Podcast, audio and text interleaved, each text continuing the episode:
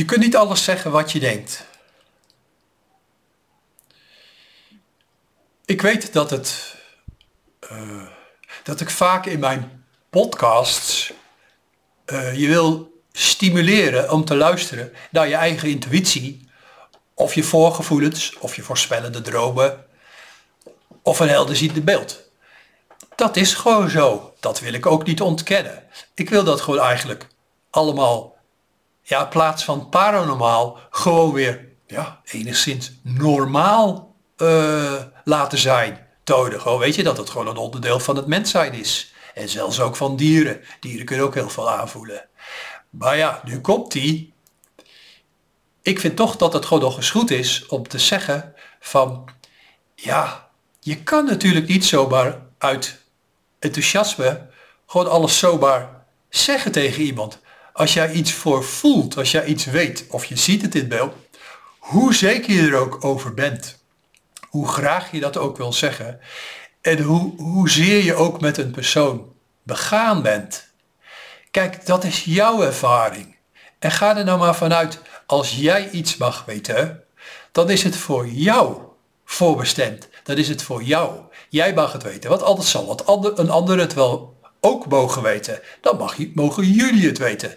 Of een ander mag iets weten, maar dat het beter is voor jou om dat dan niet te weten. Snap je wat ik bedoel? Dus wees een beetje voorzichtig met hetgene wat jij paranormaal weet. Vooraf gewoon weet.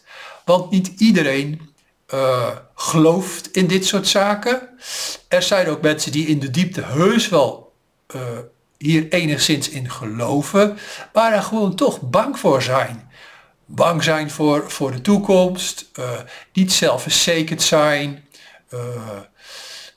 beetje zwaar uh, op de hand zijn van ja, er zal weer een hoop ellende komen. Dus ga dat nou niet te snel zeggen. Wees op je hoede. Want als je dat vaak dan toch wel doet, nou, het, het zal niet lang duren, maar je krijgt op een gegeven moment toch hele nare, hele ver, vervelende reacties van mensen. Wat kan je dan wel doen? Zoek het niet te ver. Zelfs nu, na al die jaren van praktijk, tientallen jaren, zoals je weet. Ik vraag mensen ook altijd, zeker de eerste keer, of ik mag zeggen wat ik voel, helder voel, of wat ik zie, helder zie, wat er gebeurt. Ik vraag altijd van, vind je het goed dat ik daar mijn gevoel, of ja, mijn beelden daarover je vertelt, gewoon uitspreekt. Dat vind ik gewoon netjes. Ik hou niet van uh, bot, uh, bruut.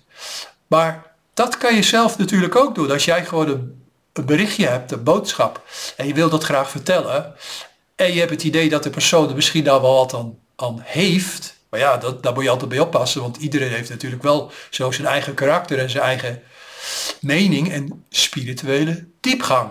Maar je kan natuurlijk altijd vragen aan de persoon van, hey, eh, stel voor dat je zegt van nou, ik kan iets zeggen over je relatie, of over je kind, of over je baan, of over je moeder die in het ziekenhuis ligt. Je kan altijd eerst vragen.